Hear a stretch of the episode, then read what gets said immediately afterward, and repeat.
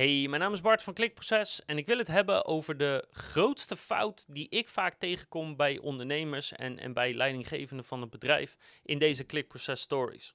Welkom bij Klikproces met informatie voor betere rankings, meer bezoekers en een hogere omzet.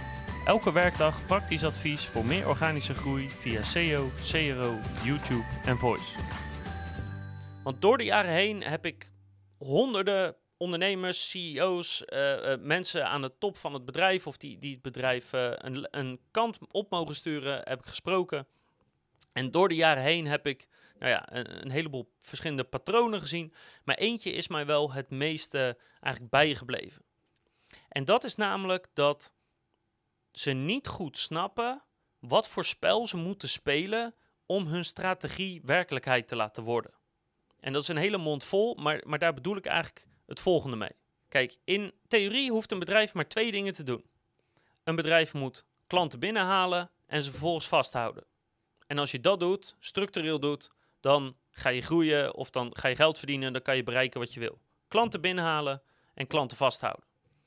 Maar in mijn beleving, in wat ik zie en hoor, zijn de meeste ondernemers, de meeste CEO's, vooral bezig met het tweede gedeelte. Het runnen van het bedrijf. Zorgen dat de orders vervuld worden. Hoe zorgen we ervoor dat het bedrijf draaiende blijft?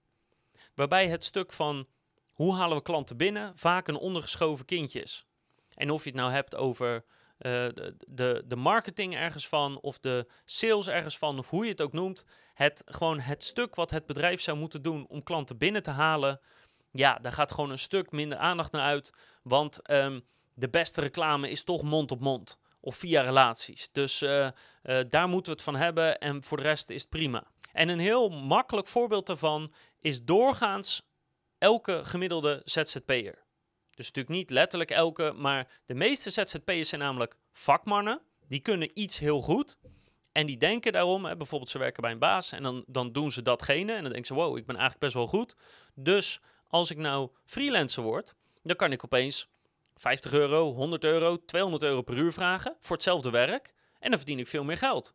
Dus ik word ondernemer, ik word ZZP'er en dan verdien ik dus veel meer geld. Waarbij ze dus niet snappen van ja, maar dat is het stuk van orders vervullen.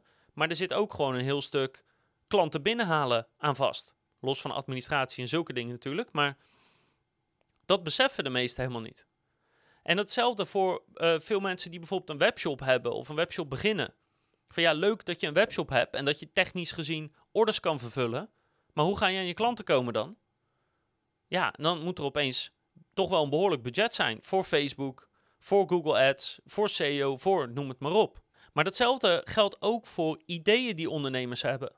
Dan hebben ze de illusie van een goed idee verkoopt zichzelf. Dus als ik maar gewoon een goed idee heb en dat zet ik neer, dan komen de mensen op een of andere magische wijze vanzelf wel.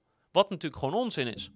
Want in theorie zou je als ondernemer je tijd grofweg in tweeën moeten verdelen. En de helft van de tijd ben je bezig met klanten binnenhalen of, of daaraan mee te werken. En de andere helft met klanten behouden of daaraan te werken. En natuurlijk is het niet letterlijk zo 50-50 en het hangt natuurlijk ook af van waar de bottleneck in de organisatie zit. Want soms komen op een of andere manier de klanten vanzelf en dan moet je gewoon meer aan het bedrijf uh, blijven sleutelen om te zorgen dat je de groei aan kan. Uh, soms staat het bedrijf zelf en kan je meer aandacht besteden om klanten binnen te halen. Dat begrijp ik allemaal wel. Maar het gaat mij er vooral om dat de meeste ondernemers gewoon helemaal nooit bezig zijn met het stuk klanten binnenhalen. Gewoon nooit. Want dat vinden ze niet leuk, want dat is niet hun vak. Maar ja, weet je, ondernemer zijn betekent dat je soms ook gewoon moet doen wat je helemaal niet zo leuk vindt. En als je klanten binnenhalen niet zo leuk vindt, dan heb je toch wel een serieus probleem, want dat is een vrij cruciaal gedeelte van je organisatie. En als je dat dan niet leuk vindt, zorg dan dat je het goed uitbesteedt. Of de goede mensen voor aanneemt. Of het op een of andere manier automatiseert. Weet je, hoe je het doet, doe je het. Maar je moet het gaan regelen. Want een organisatie die geen nieuwe klanten binnenkrijgt, is ten dode opgeschreven. Dus als je ooit jezelf hebt afgevraagd van hoe komen we nou aan meer klanten? Of hoe komt het dat een bepaalde concurrent in onze branche nou opeens zo hard groeit? Of hoe komt het nou dat dat ene bedrijf, die eigenlijk veel technisch gezien bijvoorbeeld veel minder goed zijn dan wij, of veel minder service verlenen, of, of veel duurder zijn dan wij, hoe komt het nou dat die elke keer die orders binnenhaalt en wij niet? En dat zelfs als we soms voor dezelfde order zitten te vechten. Hoe komt het toch dat andere bedrijven die in feite uh, vakinhoudelijk veel minder zijn dan wij, Hoe komt het dat die toch op sommige vlakken beter doen? Nou, dan is dit dus je antwoord. Ze zijn gewoon veel beter in het binnenhalen van klanten. En het is leuk dat je organisatie klanten beter kan behouden, maar daar heb je niks aan als je veel minder nieuwe klanten binnenkrijgt.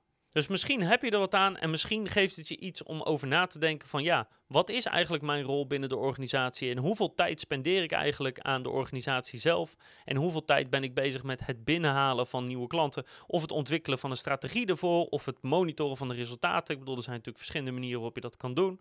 Maar als ondernemer zijnde hoor je die twee dingen te doen en dat betekent dat die twee dingen allebei je aandacht moeten hebben op een min of meer permanente basis. Ik hoop dat je er wat aan hebt. Ik hoop dat het je misschien iets geeft om over na te denken. Het is in elk iets waar, waar ik veel over aan het nadenken ben. En ik hoop natuurlijk dat je de volgende keer weer kijkt naar een nieuwe Klikproces Stories met nog veel meer gedachtegangen van mij als ondernemer zijnde bij Klikproces. En natuurlijk advies over SEO, CRO, YouTube en Voice.